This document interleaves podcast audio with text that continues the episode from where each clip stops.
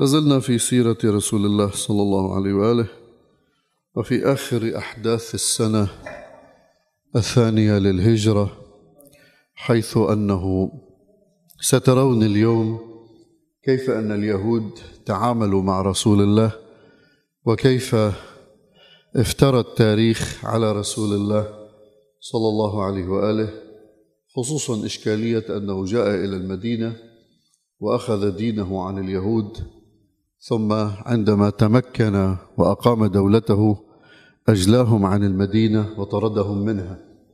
وما محمد إلا رجل ذكي كما يقول الملاحدة ما محمد إلا رجل ذكي استطاع بذكائه أن يسيطر على المدينة ويأخذ تشريعات اليهود ويطرد اليهود من المدينة ويقضي على المنافقين ومن هذه الترهات التي يتحدثون عنها. لنرى بالرغم من كل الموادعة والعهود إذا تذكرتوا أول ما دخل المدينة ذكرنا نص المعاهدة والمواعدة التي جعلها قانونا لإدارة شؤون المدينة رسول الله ومنها كيف أعطى الأمان لليهود وكيف طلب منهم أن لا يخونوه وأن لا يطعنوا آه، فيه وأن لهم ما للمسلمين وعليهم ما على المسلمين وهم مأمونون في المدينة وإلى آخره من تلك العهود التي ذكرناها سابقا. مع كل هذه المعاهدات والموادعات إلا أن اليهود بقوا يثيرون النعرات داخل المدينة ويحاولون أن يحرضوا قريش على رسول الله صلى الله عليه وآله وسلم. منهم مثلا من أشراف اليهود وملوك الناس من هؤلاء مثلا كعب بن الأشرف من عشيرة طي وأمهم بني النضير أو في السنة الثانية للهجرة تم إجلاء بني النضير عن المدينة. ما هي الأسباب؟ الأسباب هي أن هذا الرجل كعب بن الأشرف هو من كبار اليهود من بني النضير ذهب إلى مكة بعد معركة بدر يحرض قريشا على رسول الله. أنه النبي كسركم في بدر وأسركم أسر رجالكم وقتل شجعانكم فلا بد أن تثأروا خصوصا كمان أبو سفيان كان حثى على رأسه التراب وكذا وأنه ما بيغتسل أو ما كذا والنساء ما بتطيب حتى ليثأر لقتل بدر. فصار يحرضهم هذا الرجل لكي يعني يعودوا إلى المدينة ويقاتلوا محمد صلى الله عليه وآله. واستجابت له قريش حتى أنه قال لهم يعني قال آه، آه، سألهم آه، أبو سفيان سأله أناشدك الله باعتبار كان رجالات الدين عند اليهود. أديننا خير وأقرب إلى الله أم دين محمد؟ وأينا أهدى في رأيك وأقرب إلى الحق؟ فقال له كعب بن الأشرف أنتم أهدى منه سبيلا وأقرب إلى الحق. فأنزل الله كما جاء في يعني في كتابه ألم تر إلى الذين أوتوا نصيبا من الكتاب؟ يعني بيعرفوا علوم الدين التوراة يؤمنون بالجبت والطاغوت أبو سفيان وقريش سماهم الله بالجبت والطاغوت ويقولون للذين كفروا هؤلاء أهدى من الذين آمنوا سبيلا. المفروض أنتم أقرب تكونوا إلى رسول الله باعتباركم أهل الكتاب من قريش التي تعبد الصنم. أولئك الذين لعنهم الله ومن يلعن الله فلن نجد له نصيرا. لعن يعني الطرد من رحمة الله سبحانه وتعالى. ولم يخرج من مكة حتى أجمع أمرهم على حرب رسول الله صلى الله عليه وآله. وجعل كما يقولون يذكر نساء المسلمين يشبب بنساء المسلمين. تشبيب محرم عندنا. التشبيب هو أن تذكر أوصاف المرأة التي لا تحل لك امام الناس. تذكر أوصافها جمالها حسنها آه، في عريها في كذا أو تتغزل بها. هذا كله محرم. طيب يقولون في التاريخ أنه أخذ يشبب بالنساء مما يعني أثار حفيظة رسول الله صلى الله عليه وآله. اسمعوا منيح. بدي نقر على هر... بدي انتقد هذه الرواية. مما أثار حفيظة رسول الله صلى الله عليه وآله وأخذ يتناول رسول الله بالسوء والكلام يعني بعد ما رجع على المدينة فنبي ما عادش قادر يتحمله قال لهم خلصوني منه اقتلوه يعني. فذهب. شو اسمه هذا؟ آه، بعض أصحاب رسول الله ذهبوا آه، إليه وأبو نائلة ورجل آخر ذهبوا إليه واستدرجوه. إنه بدنا نقيم معك صفقات وكذا وبنعطيك رهان بلطوا السيره استدرجوه إجا ضربوه ضربة بالسيف قضوا عليه. صوته وصل إلى كل بني النظير. طيب لما قتلوه النبي صلى الله عليه وآله آه، وبقوا في آه، يعني آه، إثارة النعرات فأجى النبي أجلاهم عن المدينة. هلا راح تشوف أول مناقشة. هاي منا صحيحة هاي منا صحيحة ليش مش صحيحة؟ إذا كان قتل فيكون يقتل لأنه مفسد في الأرض. لأن رسول الله لا يقتل لا يقتل غير مفسد في الأرض. فلقد تكلم على رسول الله الكثير من الأشخاص وأساءوا إليه ولم يأمر بقتل أحد منهم. فكيف يقتل هذا الإنسان؟ ثم في دين محمد السب بالسب والعفو عن الذنب. في دين محمد السن بالسن والبادي أظلم والعين بالعين والبادي أظلم. فلا يستطيع يعني هذا يعني أمره بقتل رجل حتى لو كان من اليهود على خلاف سنته وعلى خلاف أخلاقه. ومش ملك من الملوك حتى ينتقم مثل عندنا بلبنان مما اجى حكي عليهم بياخذوه على شو اسمه ولو بصح لهم يقتلوا بيقتلوا أو بيتركوه سحسوح مش هيك؟ مما انتقدوا لا النبي مش هيك. النبي إنك لعلى خلق عظيم. هذا بخالف أخلاقه بخالف شريعته بخالف إنك مبعوث رحمة للعالمين. إلى اخره من هالادله اللي دائما إذا بتلاحظوا عم نستدل فيها بالمواقف التاريخية. لأنه قلت لكم سابقا أن التاريخ والمفاهيم والعقيدة لابد من عرضها على القرآن. وعندما تكون مخالفة لأخلاق رسول الله لرحمة الإسلام لكونه مبعوث رحمة للعالمين لتكريم الإنسان فبتكون كل القضايا التاريخية هي فرية على رسول الله. هن شو قالوا؟ قالوا أنه باعتبار النبي بلش فيهم قتل هذوليك صاروا ينتقموا. صاروا ما يشوفوا مسلمي بسوق خصوصا سوق الصاغة كان عندهم اليهود يصيغوا ذهب.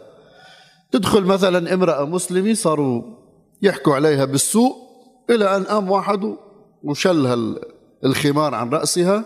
فصاحت هاي المرأة فأجوا المسلمين تقاتلوا بين بعضهم راح قتلى في في شو اسمه آه، في هاي المعركة. لا حدثت. فإجا رسول الله وحاصرهم لبني النظير. إجا ليهم بعد هاي الحادثة. بعد هاي الحادثة إجا رسول الله. رسول الله تحمل الكثير من أذى اليهود ومن كلامهم على رسول الله وتحريضهم على رسول الله والتآمر مع قريش ضد رسول الله. بس النبي مجرد واحد حكي عليه بيقول روح اقتله هاي هنا الأصابع الإسرائيلية في الروايات حتى تسيء إلى دين رسول الله صلى الله عليه وآله وسلم. وجاء طبعا آه، مالي. فهنا اجى النبي صلى الله عليه وآله وسلم وحاصر بني النظير. اللي هني طبعا هو من بني النظير ذاك رجل كعب بن الأشرف. لكن آه، بني قينقاع هم اللي اللي قاموا بإثارة بني قينقاع وقسم من بني النظير هم اللي قاموا بمثل هذه فرية على رسول الله وعلى أصحابه وأذية النساء وكشف سترهن وما إلى ذلك. صبر عليهم رسول الله كثيرا وذكرهم أرسل لهم الأشخاص يذكرهم بالعهود والمواثيق اللي بينه وبينهم. لكن الجماعة أبوا وكانوا يتعالوا شو إحنا قريش نخسر قدامه مثل ما خسرت ببدر. والله لأن حاربنا محمد ليعلمن أن نحن الناس وسيرى منا ما لم يره من غيرنا. فالنبي صلى الله عليه وآله وقت اللي شاف كل هاي البلبلات والقلائل وعم بيحذرهم وكذا وما اجى لعندهم جاب المسلمين فالتجأوا إلى دورهم وحصونهم. إنه هن مش قادرين. يواجهوا رسول الله مع أصحابه التجأوا إلى حصونهم. هاي غير حصون خيبر هاي بعدنا بالسنة الثانية. حصون بني قينقاع. طيب حصرهم 15 يوم. طيب في كمان حصار لبني النظير أو بني قريظة بعدين بيجي مجزرة بني قريظة بيقولوا النبي عمل فيهم مجزرة. هاي بدها لحالها حكي وتفنيد. زين فاجأ حاصرهم 15 يوم لا يدخل آل عليهم أحد ولا طعام ولا ما إلى ذلك من أمور. لما ضاقت عليهم السبل قالوا لن نسلم أرسلوا رسلهم إلى رسول الله. شو بدك حاضري؟ ماذا تريد يا محمد؟ فقال فالنبي صلى الله عليه وآله أراد أن يقتلهم ويأخذ أموالهم. هيك بيذكر التاريخ. ثم مين إجا؟ إجا رأس المنافقين عبد الله بن أبي والنبي بيعرفوا أنه رأس المنافقين ها؟ صار يعني يجير بني آه، قينقاع ويقول له للنبي إنه يعني يتدخل على رسول الله إنه يتركهم. فآخر شيء النبي نزولا عند رغبته هيك بيذكر التاريخ نزولا عند رغبته لهذا رأس المنافقين ترك بني قينقاع وحملوا حالهم وراحوا. عرفت كيف؟ أخذوا أموالهم اللي بينقلوها وتركوا دورهم ودكاكينهم وذهبوا إلى خيبر بعدين إلى بلاد الشام وسكنوا فيها. هذا كمان غلط ما صحيح؟ الصحيح هو أن رسول الله من رأس طالما أنهم لم يقاتلوه لا يقاتلهم لأن النبي كما قل نكرر دائما لم يأتي بالسيف كما قالوا مثل ما ورد في صحيح البخاري ولم البخاري ولم يأتي بالذبح وإنما بعث رحمة للعالمين. وبعدين بده مشورة فلان وفلان حتى لو شاورهم رسول الله هو من رأس لا يريد قتلهم. مش إنه والله كان بده يقتلهم وبعدين وياخذ أموالهم بعدين عفى عنهم وتركهم. من رأس رسول الله لا يريد قتالهم لأنهم إلى الآن لم يشاركوا في قتال ضد رسول الله مثل ما فعلوا بني آه، قريظة اللي راح يجي الحكي عنهم. بني قريظة ساعدوا اليهود اليهود بني قريظة ساعدوا آه، قريش في حربها حرب الأحزاب ضد رسول الله. بينما هؤلاء لم يساعدوا بعد قريش في حربهم ضد رسول الله. مجرد هذا كعب بن الأشرف هو اللي حرض فلذلك النبي من رأس هو الذي عفى عنهم وقال لهم روحوا. أجلاهم عن المدينة لأنه بقائهم كان في خطر. دائما عم بيثيروا القلائل ودائما عم بيعملوا معارك بالسوق إذا بدك مشاكل بالأسواق يعتدوا على المسلمات كذا فقال لهم اطلعوا من المدينة أجلهم عن المدينة. كان سبب جلائهم هو هذا اعتدائهم على النساء وتحريضهم على قتال رسول الله وليس لأجل وليس لغير هذا السبب. وتركهم رسول الله لأن أخلاقه وكرمه ودينه دين رحمة. ولذلك لم يقتلهم بل أجلاهم عن المدينة. بعدين صار في كمان بأواخر السنة الثانية غزوة بني الصويق بني صويق هذه اجى أبو سفيان مثل ما كان دائما يجي عمليات استطلاع. ف والنبي صلى الله عليه وآله بلغ خبره النبي فخرج في جماعة في طلبه. كمان تسمى آه، غزوة قرقرة قرقرة الكدر. بالتاريخ المهم بلا طول سيري بس شافوا المسلمين هربوا وكان معهم اكياس من السويق يعني الطحين والشو اسمه فأخذوا يرمونهم حتى يخف حملهم يعني مشان يسرع شو اسمه الدواب ف آه، والمسلمون يلتقطون السويق خلفهم فلذلك سميت غزوة آه، السويق. بعد منها غزوة خطفان جماعة من غطفان من بني ثعلبة آه، تجمعوا يريدون حرب رسول الله ومن حول المدينة. بلغ ذلك رسول الله من خلال قلت أن السرايا كانت لأجل الاستطلاع وحماية حدود المدينة والدولة وليس لأجل السرقات كما يصورها المؤرخون. فخرج إليهم صلى الله عليه وآله وسلم. أرسل المشركون اللي من هوذ الجماعة غطفان رجل يقال له دعثور بن الحارث. وقالوا له النبي نايم تحت شجرة عم يستريح. فاجى هذا الرجل قالوا له قد مكنك الله من محمد وكان بيكره النبي. فراح دغري له ورفع السيف عليه. قال له من يمنعك مني اليوم يا محمد؟ قال له الله. فنزل جبرائيل دفعه. هاي بتسمعوها يمكن القصص على المنابر. أنا عندي هالقصة مش صحيح طيب بس إنه بتسمعوها بنسمعها كثير من أنا صغير بسمعها. انه النبي مستلقي اجى هذا غطفان رفع السيف عليه من يمنعك مني اليوم يا محمد؟ قال له الله.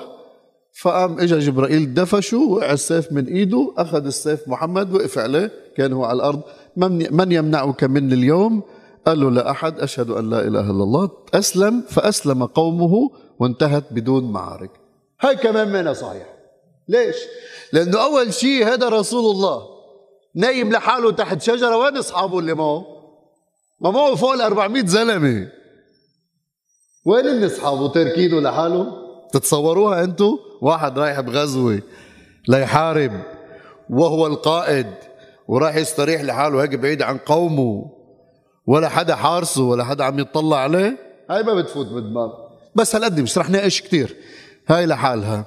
فلذلك بقول أنا ربما التقى الرجل برسول الله صلى الله عليه وسلم. بتقولوا بيقولوا لي بعض الناس أنت جاي تنكر كرامه لرسول الله إنه جبريل دعمه. لا يا حبيبي مش عم بنكر. أنا قلت مرارا رسول الله أنفاسه كرامات. بس ما بده أكاذيب لحتى نضيف له كرامات. وجوده كرامات. لك حتى بعد ما ماتوا إلى يومنا هذا لا زالت كرامات محمد تفيض على المسلمين. صلى الله عليه وسلم. فمو بحاجة لا يجي جبرائيل عليه السلام ولا فلان ولا علان. كل حكاية أنه التقى بهذا الرجل ربما يكون حكي هو دخل الإسلام في عقله أسلم قومه انتهت الغزوة بسلام. صلى الله وبارك. ما بتستاهل الغزوة أكثر من هيك حكي. طيب تنقلب الصفحة. نفس الشيء غزوة قرقرة الكدر. كمان جماعة من غطفان وسليم تكتلوا اللي ما أسلموا من غطفان. تكتلوا للاعتداء على المسلمين ومهاجمتهم فلما بلغ خبرهم خرج صلى الله عليه وآله إلى منطقة اسمها هيك قرقرة الكدر. طيب وبلغه أن جمعا كبيرا بني سليم تجمعوا ببحران وتهيأوا لقتاله فخرج في ثلاثمائة من أصحابه إليهم حتى كانوا دون بحران بليلة لتلقيهم بني سالم. آه، بل فأخبره أنهم آه، آه، فلما بلغهم خبر النبي ومجيئه تفرقوا وهربوا. الجماعة. فما صارت بس سميت بغزوة كذا. في أيضا سرية زيد بن حارثة نفس الكلام. ما بدي أعلق عليها كثير في آخر هذه السنة بداية السنة الثالثة للهجرة كانت ولادة الإمام الحسن عليه السلام. طبعا إحنا بميلاد الحسن عم نذكر الإمام بس هنا شوي بس. في بداية السنة الثالثة يعني قبل معركة أحد التي سنتحدث عنها لاحقا إن شاء الله. اجى في مسند أحمد وصحيح ابن ماجه ومستدرك الصحيحين وإلى آخره من كتب السنة. فضلا عن كتب الشيعة أن رجلا من الأنصار يوما يضم الحسن رأى رسول الله يضم الحسن إلى صدره يشمه ويقبله بلهفة الوالد. بل فاستغرب من النبي لأن العرب كانوا قاسيين قلوبهم جلف. قاسيين كانوا حتى الولد ما ينهروه يعني ما يحتضنوه ما يقبلوه ما عندهم العاطفة. باعتبار زلمة. الزلمة ما لازم يكون مثل المرأة يحتضن ويقبل إلى آخره. عرفت كيف؟ مع أنه هذا من الجفاء وهذا نهى عنه رسول الله في التعامل مع الأولاد ومع الأبناء. فاستغرب النبي آه، وذلك وقال إن لي ابنا ما قبلته قط. فقال له النبي أرأيت إذا كان الله قد نزع من قلبك الرحمة؟ فما أصنع لك. إذا أنت قلبك ما في رحمة شو بعمل لك؟ فقال له النبي صلى الله عليه وآله الحسن والحسين ابناي من أحبه ما أحبني ومن أحبني أحبه الله ومن أحبه الله أدخله الجنة ومن أبغضهما أبغضني ومن أبغضني أبغضه الله ومن أبغضه الله أدخله النار. وفي صحيح البخاري أيضا كتاب الأدب الحسن والحسين ريحانتاي من الدنيا. في صحيح الترمذي كان رسول الله يخطبنا إذا الحسن والحسين عليهما قميصان أحمران يمشيان ويعثران فنزل رسول الله عن المنبر مسرعا فحملهما ووضعهما بين يديه ثم قال صدق الله حيث يقول إنما أموالكم وأولادكم فتنة. لقد نظرت إلى هذين الصبيين يمشيان ويعثران فلم أستطع أن أصبر حتى قطعت حديثي ورفعتهما. هلأ أنا بتوقف شوي عند هذه الرواية صراحة. طبعا كثير كمان بيذكروه على المنابر سنة وشيعة إنه ما في يعني وقت اللي الله سبحانه وتعالى قال إنما أموالكم وأولادكم فتنة فتنة يعني يفتنونكم عن الحق يعني أنت بتصير تنزل عند رغبة ابنك أو رغبة بنتك أو رغبة زوجتك في الباطل فيما لا يرضاه الله سبحانه وتعالى. هاي الفتنة. أما حب الأولاد ليس فتنة. حبهم إلى درجة أن نعصي الله لأجلهم هذا هذا المعصية. هيك بصير فتنة. فلذلك الاستدلال هون ليس في محله.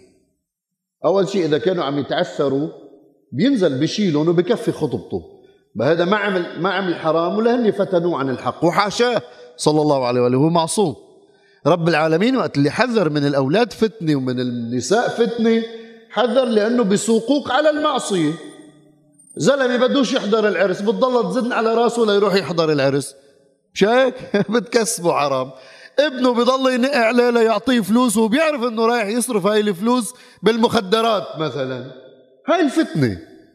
مش الفتنة إذا أنا حبيت أولادي بالعكس مطلوب أني أحب أولادي فالاستدلال هون خلاني وقف وقف عند الرواية ولا أقبلها. بس. ولذلك أما أنه الحسن والحسين صلوات الله عليهما ريحانتي رسول الله فلذت كبدي رسول الله. سيدي شباب أهل الجنة هذا صحيح. بس أنه فتنوه عن الحق أي حق فتنوه؟ ما صار في فتنة أبدا.